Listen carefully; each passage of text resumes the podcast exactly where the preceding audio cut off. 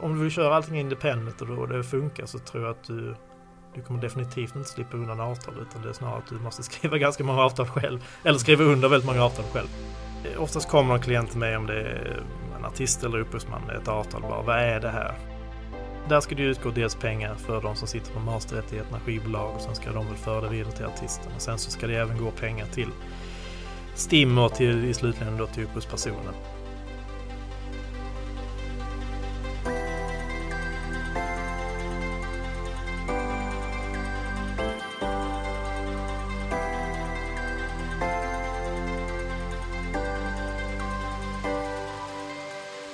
Välkomna till Musikbranschpodden avsnitt nummer 15. Jajamän, vi sitter återigen i vårt eh, mysiga lilla rum här där vi spelar in podden. Ja, och idag har vi med oss musikjuristen Andreas Vendén, also known as popjuristen. Välkommen! Tackar, tackar. Vad tycker du om rummet? Eh, jo, men det är mysigt. Jag berömde er innan här för mikrofonställ också. Ja, nej, nej, men det här är trevligt att vara. ja, härligt. Annars bra med dig? Eh, ja, jag har varit lite förkyld innan veckan och så, så att jag hoppas inte att min skånska är för o... Så att man kan tyda den. men, nej, men det är bra med mig. Ja, härligt, härligt. Vad har stått på agendan idag? Idag har faktiskt varit att ta mig upp till Stockholm. Eh, så, och sen hade jag ett telefonmöte här precis. Eh, och resten av helgen ser ut som att jag kommer ute och jobba på Konstfack. Det är kopplat som jurist. Och på lördag ska jag föreläsa i Örebro under Musikhjälpen. En föreläsning om musikjuridik som är gratis men vi samlar in pengar till eh, ja, Musikhjälpen 2016 helt enkelt. Okej, i Örebro då? I Örebro, så jag Ja. ska ta mig dit på lördag. Blir det mycket resor i ditt jobb? Den senaste tiden har det faktiskt varit ganska mycket. Det här är nu fjärde gången jag är i Stockholm på typ en månad. Och sen har jag varit i Luleå förra veckan, var första gången. Det var ju spännande, jag var uppe där och föreläste. Eh, och nu är det Stockholm igen och Örebro på lördag. Så att ja, den senaste tiden har varit ganska mycket faktiskt. Vad använder du din restid till?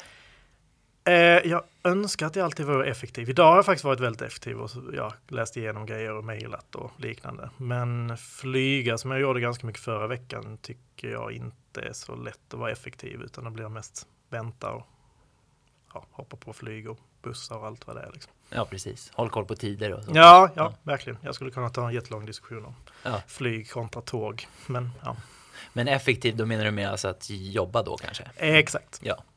Eh, Men det, vad jag förstår det som så pratar du mycket i telefon och har möten med folk. Ja, alltså det är ganska mycket mejlande också skulle Mm. jag vilja säga. Så att idag har det varit väldigt mycket mejla och mejlat över kommentarer och liknande på avtal som jag läst igenom. Grejer som vi haft uppe på diskussion tidigare. Mm. Så att det är både mejl och telefon skulle man kunna säga ganska mycket. Ja, sen fysiska möten är också såklart viktiga. När jag gjort lite mer research kring dig då, Mm. googlat lite mer och eh, så ser jag att du har en bred bakgrund i Mm. musikbranschen. Mm. Du har ju bland annat varit skribent och ansvarig utgivare för kulturföreningen Brus musiktidning. Eh, varit label manager för musik och produktionsbolaget La Vida Low Cash. Mm. Du har även deltagit som mentor för Rock City i Hultsfred och för Konstfack. Du föreläser en del, Mm. bland annat föreläsning med Amnetist och intresseorganisationen SKAP. Ja, Ja. Eh, vi håller på att planera nu inför nästa föreläsning som kommer att vara i, ja, ingenting är klart, men vi kommer att köra början av nästa år. Ja. enkelt. Precis. Och i tillägg till detta så är du ju då också musikjurist. Mm. Mm. Så du har ju en eh, ganska bred eh, bakgrund och erfarenhet. Mm. Eh, men låt mig höra, hur började allt, hur började intresset för musik, Musik. och ja, juridik? Ja, om man börjar med musik först så har jag nog alltid varit musikintresserad. Eh, sen har jag ju lite kanske så här konstig bakgrund så tillvida att eh, när jag verkligen kom in i musikbranschen var nog runt 94-95. Jag är så pass gammal. så då började jag och kompisar arrangera vad vi kallade technofester och klubbar runt om i Skåne och Öresundsregionen och i Köpenhamn. Så vilket gick väldigt bra, så det var stora arrangemang och vi hade ganska kända DJs som blev större längre fram också. Och mina kompisar från den tiden är fortfarande ute och spelar live och DJar väldigt mycket nu. De kallar sig eh, Minilog. Eh, så det går väldigt bra för dem. Till och med den här jag vet inte, synttillverkaren Koi släppte en synt nu som de kallar för Minilog i början av året. Lite som en hommage till dem. Och Sebastian, en av dem nu, blir faktiskt framvald till, det finns ju en sida som heter Resident Advisor där mycket sådana här DJs och liveakter inom dansmusik röstas fram och diskuteras. Så han hamnar faktiskt på plats 12 där i år. Så det är ganska Okej. stort. Mm. Så att det var väl där. Eh, och sen så kan man säga nästa stora steg egentligen musikbransch, eller grejen var väl just det här tidningen Brus eller Kulturföreningen, där vi skrev om musik, förde fram grejer, alltså det var också lite så här pusha för fester och klubbar som hände i regionen. Men att vi skrev om musik som vi gillade och det var inte så många andra som skrev om det. Vi gav ju ut den här tidningen, det var en fysisk tidning eh, som vi slutade ut 2006. Men det var också likadant där, vi arrangerade mycket klubbar, fester, konserter, eh, föreläsningar. Vad var det för genre på den musiken? Det är ju elektronisk musik kan man säga, eller dansmusik, men det var ju väldigt brett. Det var ju allt från hiphop och soul till liksom techno kan man säga. Och allting däremellan, även väldigt experimentell musik. Eh, men det var också bra så att vidare för många av de som jobbar där med brus har ju sen gått vidare inom musik, inte alla, men många har gått vidare inom musikbranschen eller som journalister på olika sätt. Så man byggde ju upp ett kontaktnät där, dels med de man jobbar med, men också med man lärde känna mycket folk runt omkring. Vad gjorde du på tidningen Brus? Eh, jag skrev en del, var, arrangerade ganska mycket av våra konserter och klubbar. För vi gjorde både grejer i Malmö och Köpenhamn. Eh, vi hade även ganska mycket samarbete då. Så vi tog upp bollen med den här festivalen som heter Sonar som är i Barcelona som vi hjälpte en del och som jag sen jobbade med, hjälpte dem med PR och sånt här i Sverige, lite bokningar. Så man byggde upp liksom mm. genom det man jobbar med, ett kontaktnät. Och det tror jag är, eh, om man pluggar eller liksom in, oavsett var man vill jobba med musikbranschen eller någon annan bransch, så tror jag det är ganska viktigt att ja, man kan dels plugga men också försöka ha liksom vid sidan av och liksom jobba med grejerna som man gillar, så man får in en fot. Precis. Jag tror det är väldigt viktigt att bygga upp ett kontaktnät på det viset. Mm. Men också kan man inte tänka sig, att nu ska jag, jag bygga upp ett kontaktnät, utan bara, ja men ja, vill du jobba inom musikbranschen på en konsert som bokar, ja men då kanske du ska börja jobba i garderoben på något konsertställe, bara för att se hur det funkar. Mm. Det är många så som man känner som jobbar inom musikbranschen som har börjat på det viset. Sen arbetar sig upp. Så det, det tror jag väldigt mycket på. Sen ska ju inte, självklart ska man utbilda sig och lära sig grejer. Så att jag tror en kombination av de båda är väldigt bra. Vi gör tummen upp för utbildning, Jan Ja, exakt. Ja.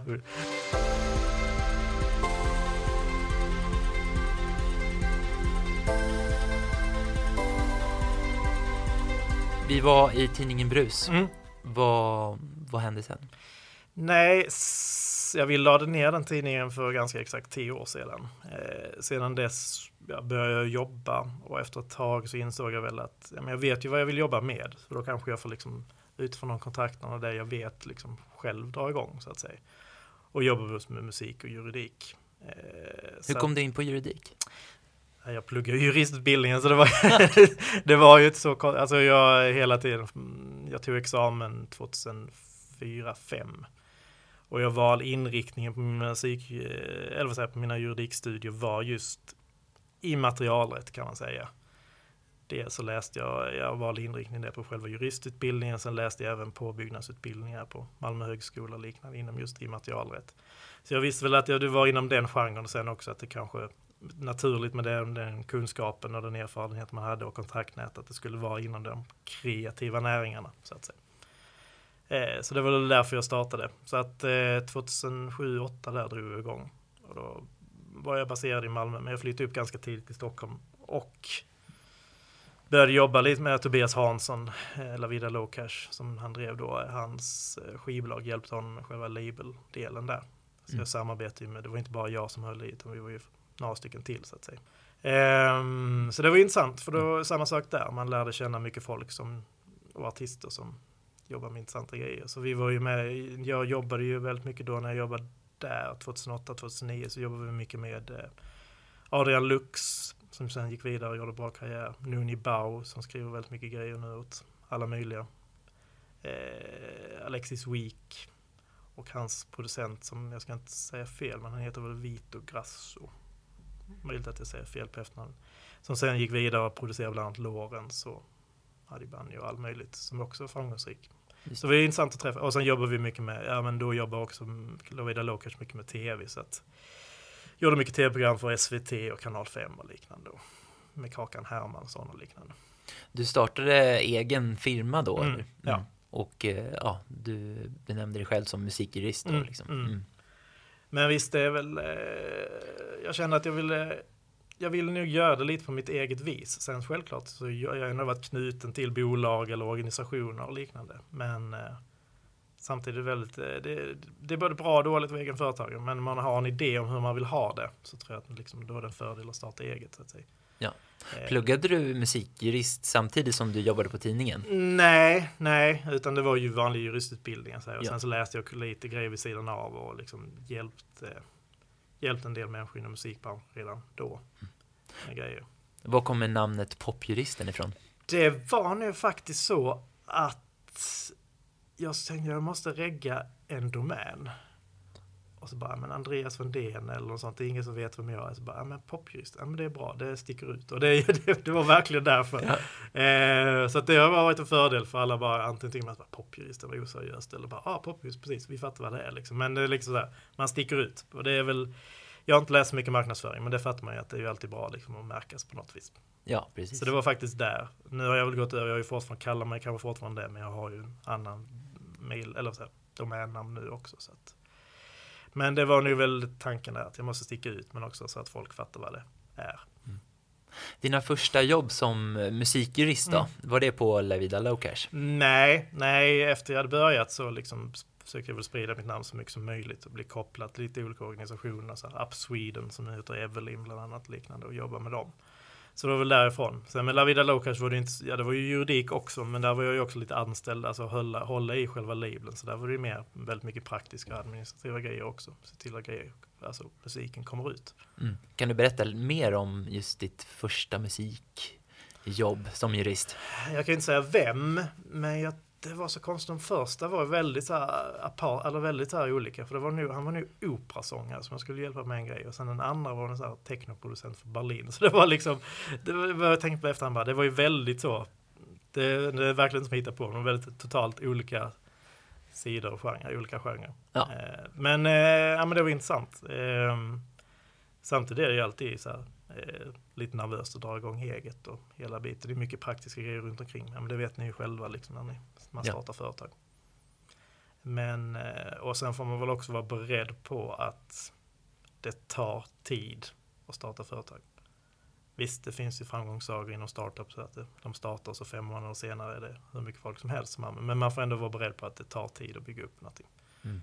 Eh, Så att jag har varit medveten om liksom, och kämpat på liksom, och försöka sprida sitt namn och liknande. Om vi ser mer på din roll som just Mm. musikjurist, vad, Mm. vad innebär den? Alltså rent praktiskt är det ju väldigt mycket att eh, oftast kommer en klient till mig om det är en artist eller upphovsman med ett avtal bara, vad är det här? Så får man dels förklara, så det, det önskar man när man läste juridik att man kanske fick mer, alltså det förstår man ju nu att jobba praktiskt som jurist är väldigt mycket så här pedagogiskt arbete och eh, ja, men retoriskt också. Att man måste för, försöka för, dels förklara på ett förklarligt, lättförklarat sätt vad det är det här för avtal. Det är inte så att alla inte vet vad det är, men man måste ändå förklara. Men det här innebär det här och sen får man förklara så får vi ta ställning till om det är bra. Så det är väldigt mycket så här förklara avtal, kommentera avtal, förhandla avtal, men även skriva avtal till exempel. Eh, och det kan ju vara allting från ett artistavtal till ett förlagsavtal till management.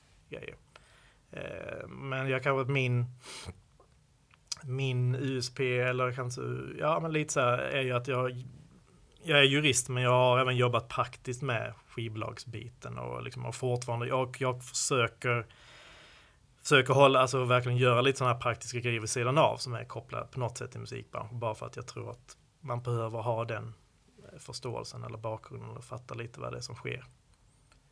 Finns det fler, eh, eller finns det så större företag som bara har musikjurister eller är alla enskilda företagare? Nej, nej, men det finns ju större advokatbyråer, alltså kanske som inte enbart är, men som, som har duktiga, liksom erkända eh, musikjurister och advokater kopplade till sig. Mm.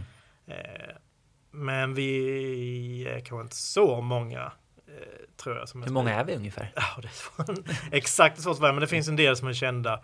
Ja. eh, Så, som många av dem är baserade här i Stockholm. Det kan vara fem, fem, sex stycken. Men sen finns det ju kanske fler som jobbar på en advokatbyrå, men så här riktigt mer kända som folk ser upp till och liksom som man vet är duktiga kanske inte eh, är ett gäng. Men ehm, så många tror jag inte att det är. Så faktiskt Ja. vara med det. Och du har alltid jobbat som egenföretagare? Ja, ja. Andreasvendén.com Ja, alltså, jag, innan jag började eget så jobbade jag bland annat på Ericssons patentavdelning och liknande med sådana grejer. Eh, och det var ju det var intressant men också väldigt mycket byråkrati kan man väl säga. Mm, ja. Hur ser en eh, vanlig arbetsdag ut då? Vi har ju fått en inblick i den precis nu. Mm. Resa och... ja, idag eh, är det väldigt mycket resan. Ehm, eller senaste tiden.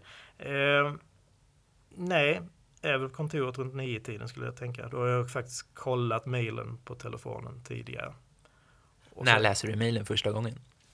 Ja, alltså det måste man ju bli bättre på. Men det är ju oftast nästan, tidigare var det nästan det första man gjorde. Alltså, innan man käkar frukost. Men nu är det lite så här, "Ah, jag måste äta frukost först, sen kollar jag mejlen. Men det, är- det är inte alltid det går så. Det har blivit en återkommande fråga i vår podd, Andreas. Mm. Visst? Ja, men jag tror det är att folk, ja, det, det är svårt det där eftersom vi allting, är- ja, eftersom mejlen är så lätt tillgängliga nu. Så kan man kolla dem alltid. Man sitter där klockan tio på kvällen och bara, ah, jag måste bara kolla om de har svarat och sen så är det kört. Ja, Jag känner igen det där. Vi, eh, jag utmanade våra elever på Independent Artist-utbildningen förra veckan var det. Mm. Just att eh, bryta sina dåliga vanor Mm. och att skapa nya rutiner utifrån Mm. det. Mm. Och jag hängde med och, och började faktiskt veckan med det här att jag skulle inte öppna varken sociala medier eller mejlen innan jag kom till kontoret. Och första dagarna var lite sådär, det pirrade i fingrarna Mm. på tunnelbanan eller när man satt och käkade frukost framför Mm. allt. Nej men det är farligt det där. Men jag tror också, jag försöker bli bättre på det. Alltså, och eh, märker man, okej man kan kolla upp, ja men det här är ett viktigt mejl. Ja men då, då tar jag det när jag kommer till kontoret. För du kan, om man är i Stockholm, du kan inte sitta och mejla på tunnelbanan. För att du måste liksom fokusera på något annat vis. Så det är nog väldigt så här, kolla om någon har mejlat och sen läsa igenom lite snabbt. Men verkligen jobba med eller svara på mejlet får man ju faktiskt göra på kontoret. Eller i alla fall när man sitter framför datorn. Så att säga. Jag, jag tror inte på liksom, ja, det är väldigt svårt att göra något jättevettigt på mobilen kan jag tycka. Faktiskt. Har du fler klienter så att säga du jobbar med under en dag eller? Ja, alltså det beror ju på. Som det, nu är det ju väldigt mycket olika ärenden som jag håller på att liksom avsluta eller som kommer in. Eh, så det kan ju vara att man läser igenom något avtal som man precis fått och liksom kommenterar det och funderar på det. Eh, och sen kan det vara någon annan grej som man mer mejlar fram och tillbaka. Vad tycker du om det här? Och sen, eller om man får någon förfrågan kan det hjälpa. Så det är ju väldigt olika stadier i kan man väl säga. Vissa man kan ha kommit längre in och vissa är helt nya och vissa grejer sitter man väldigt och diskuterar hur man ska ta det vidare. Jag vet ju bland annat att du jobbar med Redline Recordings. Mm, jag jobbar med dem en del. Mm. det är väl fyra, fem år nu. Ja, men jag hjälpte dem väl lite igen när de kanske eh, gjorde någon ny satsning 2012 och sen ja, rullat på och hjälper dem lite avtal så jag kan inte gå in på vad, men det var ett, ja, de avtalen de dyker, ja, som dyker upp. Eh, och det var ett intressant. Jag har också varit ut, jag har, jag har inte varit i deras studio, men jag har varit ute och haft möten med dem flera gånger i Norsborg. Du jobbar alltså med båda sidorna kan man säga, både med företag och artisterna. Ja, fast eh, oftast är det väl att man är på artisten eller upphovsmannens sida kan man säga. Jag Mm. hjälper ju en del mindre skivbolag, eller, ja, men det är väl framförallt på artistens sida. Och Där kan ju motparten definitivt vara de stora drakarna så att säga. Och det gillar jag väl lite så här att, eh, ja, hjälpa dem så att säga. Eh, för att inte all, alltså, min, min, från början lite min affärsidé var väl lite där, ja men folk behöver hjälp, men jag tror att de många kanske drar sig för att gå till en stor advokatbyrå för att det blir på en helt annan nivå. Eh, Jag säger inte att de är dåliga eller liksom, eh, på något sätt och vis eller liksom inte vet vad de pratar om eller något sånt. Men det, kan, det, det, det är ett ganska stort steg för många liksom att nu ska jag gå till någon stor advokatbyrå för det blir på ett helt annat vis. När ska jag som artist anlita dig då? Alltid. Nej, men jag tror så här att man, eh, jag ska inte säga så här, men man kommer ju, man kommer en bit i alla fall att ha lite sunt förnuft från början. Vad är det man vill ha ut av ett avtal och vad är det för motpart och liknande. Sådana grejer vet man ändå lite vad man vill ha, men sen så vill man inte åka ut för några fällor. Att det här, eller fällor, eller liksom inte grejer som man förstår. Men man ska inte vara rädd att ställa frågor mot motparten till exempel.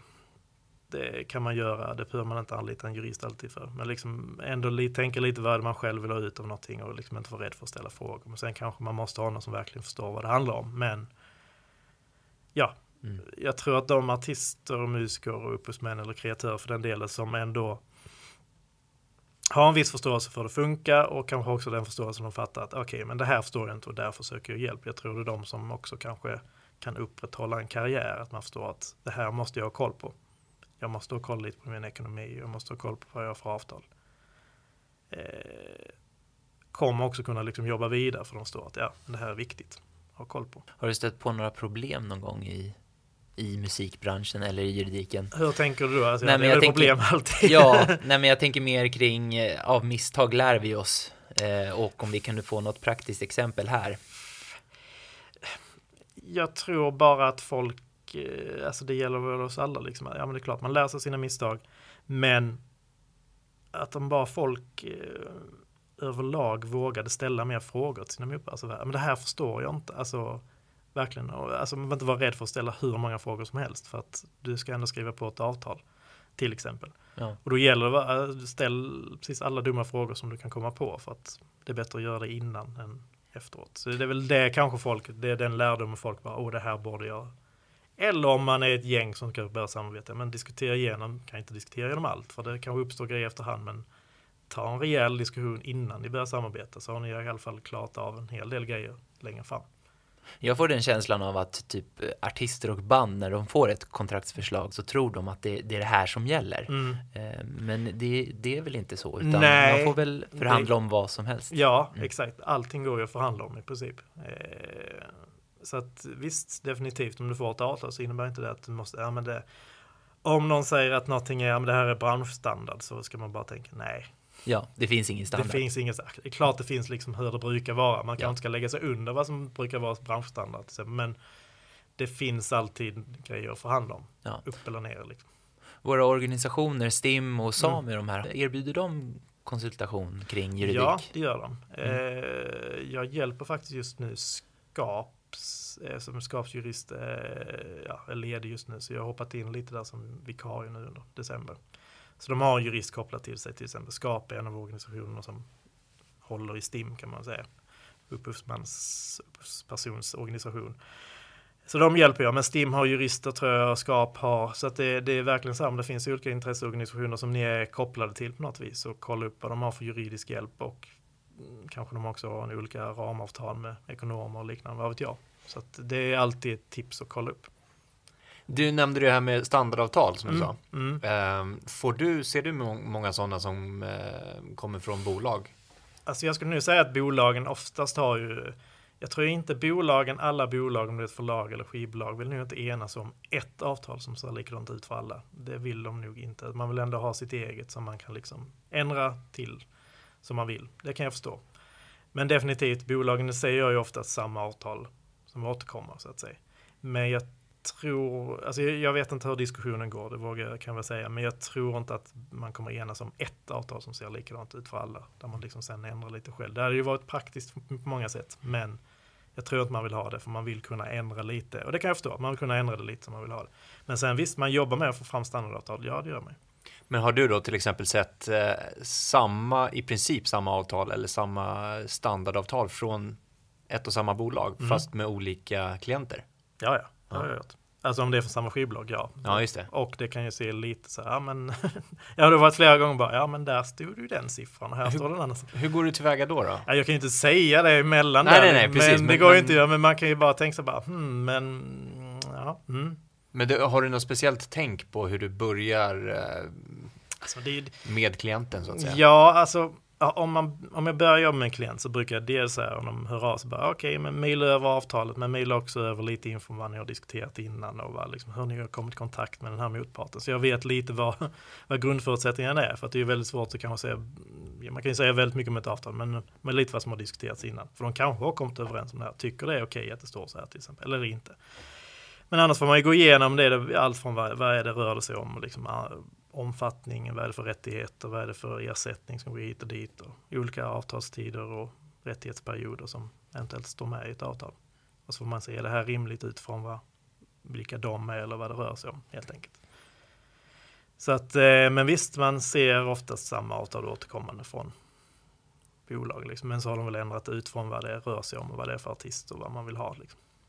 Är det inte så att eh, skivbolagen eller bolag i allmänt i musikbranschen brukar använda det som argument att ja, men det här är standard Mm. till artisterna? Det är i alla fall jag erfarenhet. Jo, ja, men det är ju väldigt mycket så. Ja, men det här är standard. Och självklart finns det ju en branschstandard på många sätt. Alltså så, det är självklart, ja men det här är normalt vad man får. Man kan inte kanske säga om du är eh, artist så kan du kanske inte komma och begära, ja men jag vill ha 90% av intäkterna till exempel, bara för att ta ett exempel. Nej, det, det är ju inte standard på något vis liksom. Men det innebär ju inte att det inte går att förhandla om grejer. Så att man kan tycka, ja men det här är nu lite väl lågt till exempel, eller det här borde ni kunna ändra. Men definitivt, man ska inte gå på någonting, bara, ja men det här är branschstandard. Förlagsavtalen är väl, så länge, under den tiden jag jobbar så tycker jag att det är väl kanske de avtalen som många sätt har ändrats ganska mycket. För där var det tidigare ganska så här, ja, men vi förlaget, ja men vi tar 33% på dina, den här ersättningen och vi behåller det life och copyright. Och det har ändrats till att gå ner, fördel till upphovspersonen kan man säga då. Eh, faktiskt. Så där tycker jag när de kommer och säger, om det, är, om det är någon siffra, så jag nämner en podcast, det är ju farligt att göra, men det är just den här med, ja vi tar 33% det ska man säga bara, mm, men nej, och vill ni ha det så får de verkligen argumentera för varför de ska ta så mycket till exempel. Nu vet ni det, bra. Mm, exakt, så får jag inga frågor på det. Ja. Vilka, vilka aktörer jobbar du med i musikbranschen? Jobbar du med alla? Hur tänker du då? Alltså? Eh, bokningsbolagen, musikbolagen? Ja, ja, alltså det är väldigt mycket. Nej, man kan nu säga att jag, jag jobbar ju med en del små bokningsbolag, eller små, men en del bokningsbolag och skivbolag så, som jag hjälper återkommande. Men annars är det ofta så på andra sidan att det är en artist eller musiker som ska ta något avtal med ett förlag eller med ett bokningsbolag eller vad det nu kan vara. Så det är oftast mestadels från den den sidan så att säga. Men du skulle kunna jobba med i princip alla i musikbranschen? Ja, jo, jo, jo. Ja, men det blir, jo det, eftersom det ändå kan vara åt båda hållen ibland så är det så. Men definitivt. Mm. Eh, men mestadels eh, med artisten så att säga. När har du haft som roligast på jobbet? Ja, men det är nog när jag kan kombinera det med, men ja, läsa och hjälpa, skriva avtal, att hjälpa folk på det viset, men också kan kombinera det med att ut och föreläsa eller liksom göra något mer praktiskt. Liksom, att man gör de kombinationerna. Föreläsa, man vill inte göra det alltid, men det kan vara roligt för dels så lär man sig en hel del själv för att det kommer alltid infallsvinklar som man tänkt på eller erfarenheter som någon har haft. Så man lär sig själv. Men också att det är roligt liksom att föreläsa.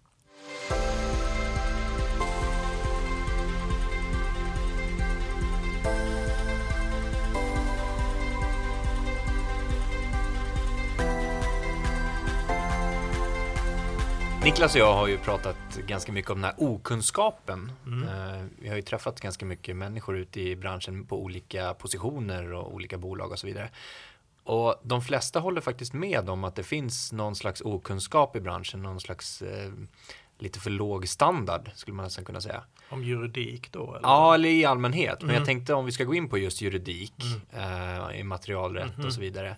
Håller du med om den Ja, delen. det skulle nog kunna göra. Alltså det som man tar immaterialet på ett större plan. Så det är inte så helt ovanligt att någon kommer och säger bara, ja men det har hon patent på. Mm. Säger de till mig. Jag bara, nej. Så börjar man lyssna så är det oftast att, nej, nu menar att hon har upphovsrätt på det. Så att patenten som blir så här med någon grej man slänger på allt. Liksom. Ja, men det har hon patent på. Så bara, nej men du menar att hon har varumärkesskydd på det eller hon har upphovsrätt på det. Alltså för oftast är det inte patent för det är en helt annan process. Så att, mm. ja, jag tror att man dels har klumpat ihop allt och inte, inte riktigt liksom blandar ihop grejer. Det är helt för, förståeligt för det kanske jag gör i någon annan, någon annan bransch eller någon annan grej. Så det kan jag förstå. Men det är ändå viktigt att särskilja på det. Men sen också kanske inom, om vi mer ser musikbranschen i sig, så ja, jag tror, även om många kanske börjar få lite hum om hur det funkar med upphovsrätt och liknande, så det är kanske inte alla som har stenkoll på ja, vad, vad innebär det att ha upphovsrätt på någonting eller vad är det för olika motparter man stöter på till exempel om, om, vi, har med, om vi har med upphovsrätten att göra eller inom musikbranschen överlag. Eh, vi kommer säkert komma in, men jag kan gärna ta upp det nu just när skillnaden mellan vad gör ett skivbolag och vad gör ett förlag till mm. exempel. Mm. Jag tror inte alla faktiskt, och det, där tror jag verkligen så här folk får lite huvudbry. Vad är det här? Mm. Men där brukar man säga, men tänk dig att skivbolag, det är de som sitter på den inspelade skivan. Tänk att det fanns en fysisk skiva för. Det är de som sitter på den. Förlaget jobbar med noterna, alltså de här kompositionerna. Liksom du som, om det är du som skrivit det någon annan. Det är det de jobbar med. Och de, det är ju liksom en samverkan däremellan för att man måste ha noter eller komposition för att spela in någonting. Så det är, det är så det hör ihop. Men det är ändå olika rättigheter eller olika bolag oftast också. Så att eh, jag tror det kan vara en, kanske en sån grej som folk inte alltid har koll på. Ser du ett problem med det här? Att det finns en sån okunskap? Ja, alltså jag tror, men jag tror folk lär sig mer och mer. Eh, men visst, det finns väl ett problem så tillvida att man kanske Ja men om vi nu tar att man ska skriva på ett förlagsavtal så måste man förstå att ja men det här är faktiskt dina rättigheter och det kan sträcka sig under väldigt lång tid. Och, eh, du kan aldrig få tillbaka de här grejerna. Eller de kanske sitter på något sätt och liksom har hand om de här grejerna på ett längre tid än vad du tänkt dig. Så jag tror det är väldigt viktigt för folk att förstå det också. Eller också att man inte ja, om du har ett förlag så kan de kommer ju försöka göra allting för att din musik ska bli utgiven eller så här, ges ut på skiva men de facto är det ju ett skivbolag som ska göra det någonstans. Om vi pratar vidare om intäktskällor just, mm. eh, vad, Du nämnde artisten har vissa musikrättigheter Mm. och eh, upphovsman Mm. vissa. Eh, vad, vad det gäller våra nya digitala plattformar, Mm. jag tänker YouTube och Mm. sådär. Vad har, har, vi nya musikrättigheter där vi kan tjäna pengar? Ja, men säga? Youtube har väl börjat nu, i alla fall i Sverige, alltså det har ju, för några år sedan så blev det ju något avtal med, med skivbolagen och med STIM. De är ju inte offentliga så det är svårt att säga exakt eh, pengar så. Men där, dels, där ska det utgå dels pengar för de som sitter på masterrättigheterna, skivbolag och sen ska de väl föra det vidare till artisten och sen så ska det även gå pengar till Stimmer till, i slutligen då till upphovspersonen. Så att det ska gå pengar därifrån. Men sen fördelningen där verkar vara att det mesta kan gå till just den som sitter på masterrättigheterna, skivbolaget så att säga och kanske inte lika mycket till upphovsmännen. Men jag vågar inte säga exakt, men det är väl eh, det är uppfattningen. Men det är ju flera olika pengar där. Det är, eh, som jag förstår det så är det väl, om man ser de pengarna, så är det dels till den som sitter och verkligen äger den inspelade låten, och säga masterrättigheterna. Sen så kanske det är pengar kopplade till om det är en video, där är det vissa pengar som ska gå där och sen så är det vissa pengar då som går till upphovspersonen och liknande.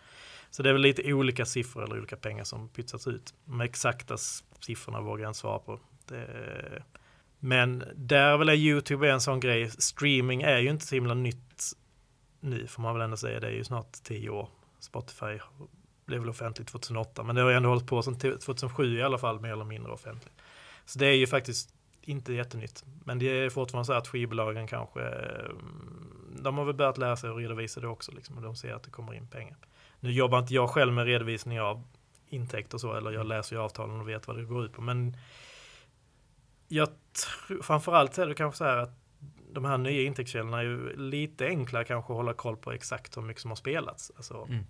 Du ser direkt, ja men nu har det varit en som har streamat det här. Det syns direkt. Liksom. Medan om du har fysisk försäljning så är det ju Ja men då skickar du ut din skiva till din dis- distributör som i sin tur skickar ut till skivaffären och sen så kanske skivaffären om tre månader skickar tillbaka den eller sex månader senare skickar tillbaka den för den sålde inte och sen så kommer det tillbaka. Så det var ju väldigt mycket där retur har man ju förstått att liksom, du kunde inte riktigt, ja de har pytsat ut 100 000 skivor, ja men då Ja. ska jag ha betalt för det, ja fast 30 000 och någon kanske kom Ja, tillbaka. Jo, tillbaks. Ja. så att eh, där var det liksom mer ett lagg medan här kan du nästan gå in dag för dag och säga att ja men så många, många streams. och Så.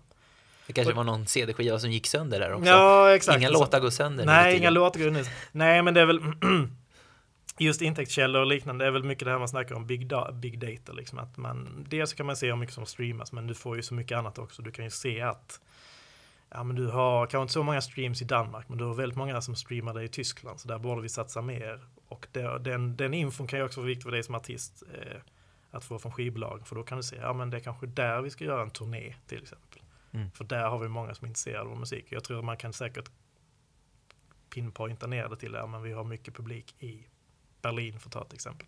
Precis. Utifrån streamingar. Så jag tror sådana grejer kommer att bli viktiga och viktiga. Eh, sen är det intäktskällorna, ja det är klart, ja, försäljning, skivförsäljning, streaming eh, är såklart viktiga. Men sen är det ju andra intäktskällor också som har blivit viktiga för artister. Det är väl till exempel sponsorgrejer eller försöka göra, vara med i reklamfilmer eller filmer. Eh, så kallade synkroniseringar på något vis. Har ju också blivit viktigt för många artister och upphovsmän. Och, eh, kanske om man jämför med bara kanske tio år sedan så kanske man såg helt annorlunda som artist och upphovsperson på det. Mm. Än vad man gör nu. Vad är det för nya avtal man kan stöta på nu?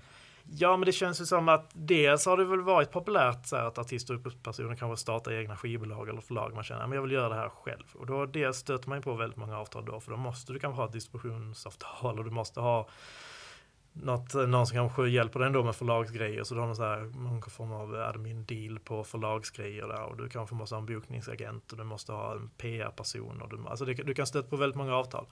Men också kan vara att skivbolag och förlag börjar jobba på ett annat vis. Att man kanske inte signar upp en artist för, um, i tio år utan man kan ta låt för låt till exempel. Och liknande. Så avtalen kanske inte sträcker sig lika länge i vissa fall.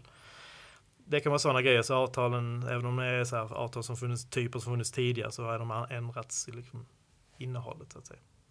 Men ehm, ja, jag tror att man om du, skulle, om du vill köra allting independent och det funkar så tror jag att du du kommer definitivt inte slippa undan avtal utan det är snarare att du måste skriva ganska många avtal själv. Eller skriva under väldigt många avtal själv faktiskt. Och då kanske det kan vara bra med juridisk Ja exakt, rådgivning. så jag tror inte liksom att även om allting skulle vara att alla, ja men vi kör allting själv. Så någonstans måste du ändå ha en PR-person till exempel som kanske hjälper dig med det. Och du måste ha en bokningsagent, du måste ha kanske en manager. Alltså det, Mm. det är fortfarande väldigt många motparter som du kanske behöver om du verkligen vill nå ut.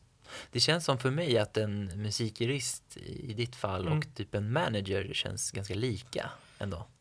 Ja, Håller du med mig? Jag håller med dig. Ja, alltså jag har ju haft lite den rollen, men samtidigt tror jag manager, där måste, det är lite vad man vill ha ut av en manager. Det finns det som är mer business manager som verkligen ser till att ja, pengarna kommer in och ger dig råd om sådana grejer. Men en manager ska ju vara lite så här, vad hette han i Entourage?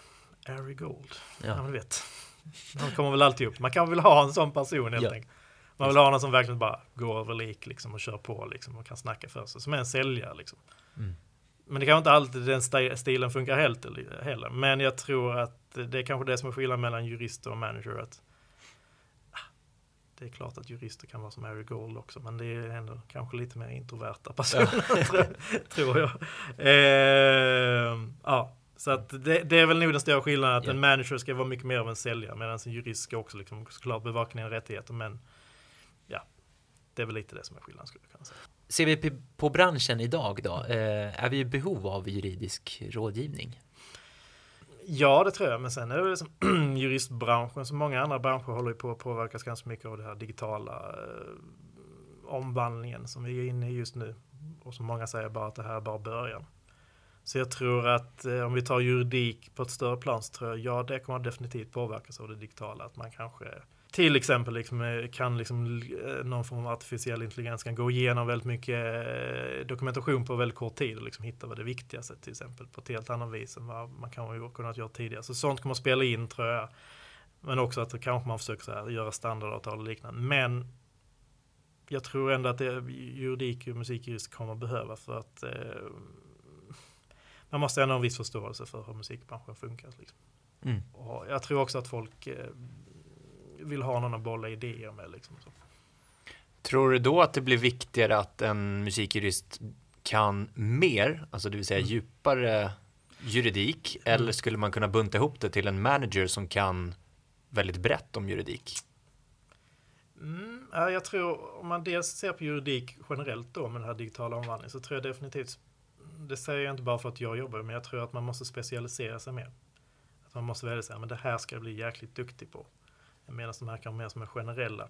Kanske att det kommer, ja, men jag, många, tror, inom juridik överlag, säger säg att du vill ha ett eh, låneavtal eller något annat typ av avtal, då kanske det finns, det finns ju redan nu tjänster du går in och knappar in vad du behöver och så kommer det ut. Eh, Men om det verkligen måste vara mer anpassat och mer så här specialiserat så måste man uppsöka den hjälpen. Tror jag kommer behövas fortfarande. Men jag är inte helt säker på om det är någon som pluggar juridik som lyssnar på den här podden att, att jag tror arbetsmarknaden kommer att se väldigt annorlunda ut om tio år. Jag tror, det är mycket så här, många börjar som biträdande jurister på advokatbyråer och liknande. Liksom man jobbar sig upp. Liksom. Men det här behovet av biträdande jurister kommer att försvinna mer och mer efter man kommer kunna använda en dator till det. Sen när det verkligen kommer till den här slutklämmen eller verkligen know-how eller liksom känsla så är det en advokat eller jurist som är specialiserad. Tror jag. Eh, så det är, det är väldigt, väldigt intressant. För det säger man att det är många branscher som kommer att påverkas mycket av det. Och det är kanske likadant inom musikbranschen också. Alltså, om vi nu säger att man ska digital distribution, det i sig har ju betytt mycket att du behöver inte någon som sitter och liksom paketerar skivor längre.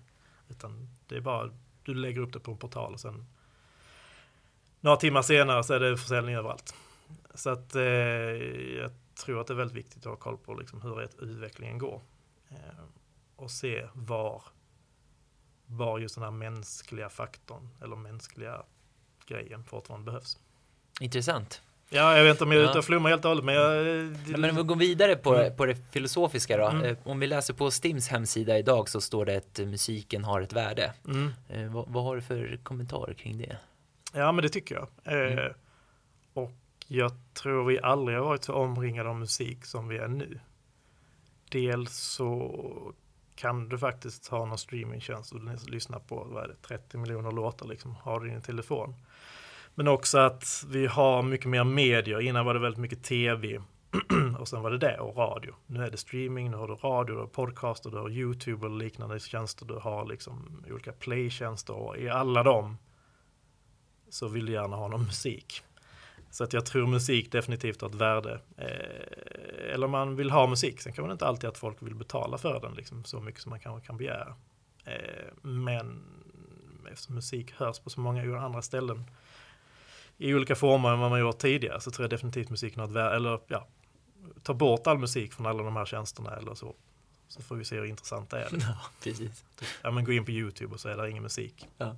Eller gå in på någon playtjänst och så är det ingen musik i något program. Så att jag definitivt på det viset har musiken ett värde. Sen just det ekonomiska eller monetära värdet tycker jag är viktigt, men det kan man få tänka snarare så här att ja, men jag kanske inte kan begära lika mycket i en engångssumma, men å andra sidan så kanske det är 50 miljoner människor som lyssnar på den här låten en gång och på Mm. det sättet så blir det ganska mycket pengar. Ska vi reda ut det här nu? Mm. Hur mycket betalar Spotify ut till artister? Ja, jag vet inte den exakta summan. Men man får tänka så här att eh, Spotify betalar väl sällan ut till artisten direkt utan det går ju Ja. via ett skivbolag. Det är ju där jag tror så här när Spotify får så här lite smisk så kanske med all rätt, men när de får smisk får man tänka ja men eh, det är inte Spotify som betalar artisten, det är skivbolaget som gör det. Så har du ett dåligt skivkontrakt så innebär ju det att vi sitter du upp och bara säger att du får 10% på streamingintäkterna och det kanske inte jättemycket pengar som kommer in för streamingen och du får 10% av det. Då är det klart att det är en himla skillnad jämfört med tidigare. Men jag tror inte man kan bara gå direkt på Spotify för det är ju bara ett distributionsmedium. Det är ju liksom skivbolagen och sånt du måste ha dealen med såklart. Precis. Tror jag. Så det är väl lite det. Sen hur mycket de betalar ut exakt, det, är ju, det har man ju märkt, eller det verkar ju vara att är det ett stort skivbolag så har du ju dels kanske bättre royalty i sin tur. Men sen får man också tänka på, är det de verkligen stora skivbolagen så sitter de även som ägare av Spotify. Så de tar ju även, får ju även pengar det Ja. viset. Nu har inte Spotify tjänat några pengar på det viset men ändå. Det är en debatt som vi kan läsa om i, i vanliga Ja, ja, men tidningar idag. nej, nej, så- men om vi nu ska säga att Spotify gör någon sån här heter IPO och liksom blir börsintroducerade så nu är de väl värderade till vad är det, 80-90 miljarder eller vad det är. Ja. Så att då kommer skivbolagen tjäna en hel del Mm. till exempel om det sker. Så jag tror att eh, när det väl sker, det är nog många på Spotify som sitter och väntar på det, att det ska börsintroduceras så de kan tjäna lite pengar. Eh, så då kommer också skivbolagen få en del av det, Mm. helt klart. Men man, jag tycker inte man, eh, ja, men det finns säkert jättemycket man kan diskutera om streaming och intäktskällor och liksom, men man kan inte bara klaga på dem utan då får man ju se över sina avtal med skivbolagen också. Ja, exakt. Om vi ska gå vidare då på tips som Mm. vi brukar ha i vår podd. Mm. Eh, tips till personer som vill jobba i musikbranschen. Vad har du för råd? Ja, dels en, ja, nu är det ju er podcast och då ska man säga att man måste plugga. Det är, ja, men det är det vi, men jag tror just det vi diskuterade innan, just att kunskapsnivån är viktig att få upp. Definitivt. Eh, jag säger inte att de som jobbar i musikbranschen nu på något sätt liksom inte vet vad de sysslar med. Det är inte så. Men kanske att man tidigare börjar med att jobba på lagret och sen så arbetar man sig upp. Medan nu tror jag liksom nu när skivbolagen söker folk så har man liksom inte riktigt den, eh, man kräver verkligen folk som kan sina grejer. Du måste veta social marknadsföring och liksom social selling, allt vad det heter. Och verkligen vara duktig på det. Men också liksom, om du nu vill jobba i musikbranschen, också vara beredd på att liksom, ja, men försök hitta något, ja, men jobba på någon spelställe eller eh, vad vet jag. Så du får lite kunskap om musikbranschen. Att liksom kombinera det eller försöka få in en fot, för det är alltid bra. För att slutligen så handlar det ändå att få jobb handlar ändå om vad du har för nätverk någonstans. Eh, om vi har en lyssnare som vi känner att ja, men jag vill jobba som Andreas Wendén. Mm. Hur, hur gör jag då? då? Ja, Vart börjar jag? Ja, bra fråga till sig. Nej, du får väl ha någon idé om vad du vill jobba med. Eh, Och sen så sätta upp något mål och tänka att ja, men det, här, det här vill jag jobba med, det här tycker jag är skoj. Och som jag också gjort, även om jag inte liksom, är ute och träffar folk och lär känna folk, även om jag kanske inte har någon så här idé om att jag bara är ute och nätverkar för att jag ska nätverkande skull, liksom, för det har jag lite svårt för. Men ändå så här, man lär känna folk och på det viset kanske man kan knyta kontakter vidare, men också se till att mm, ja, ha rätt utbildning och ha en fundera på vad man vill göra. Bra, Mm. då säger vi tack för eh, den här stunden, Tack, Andreas. Ja, tack så mycket.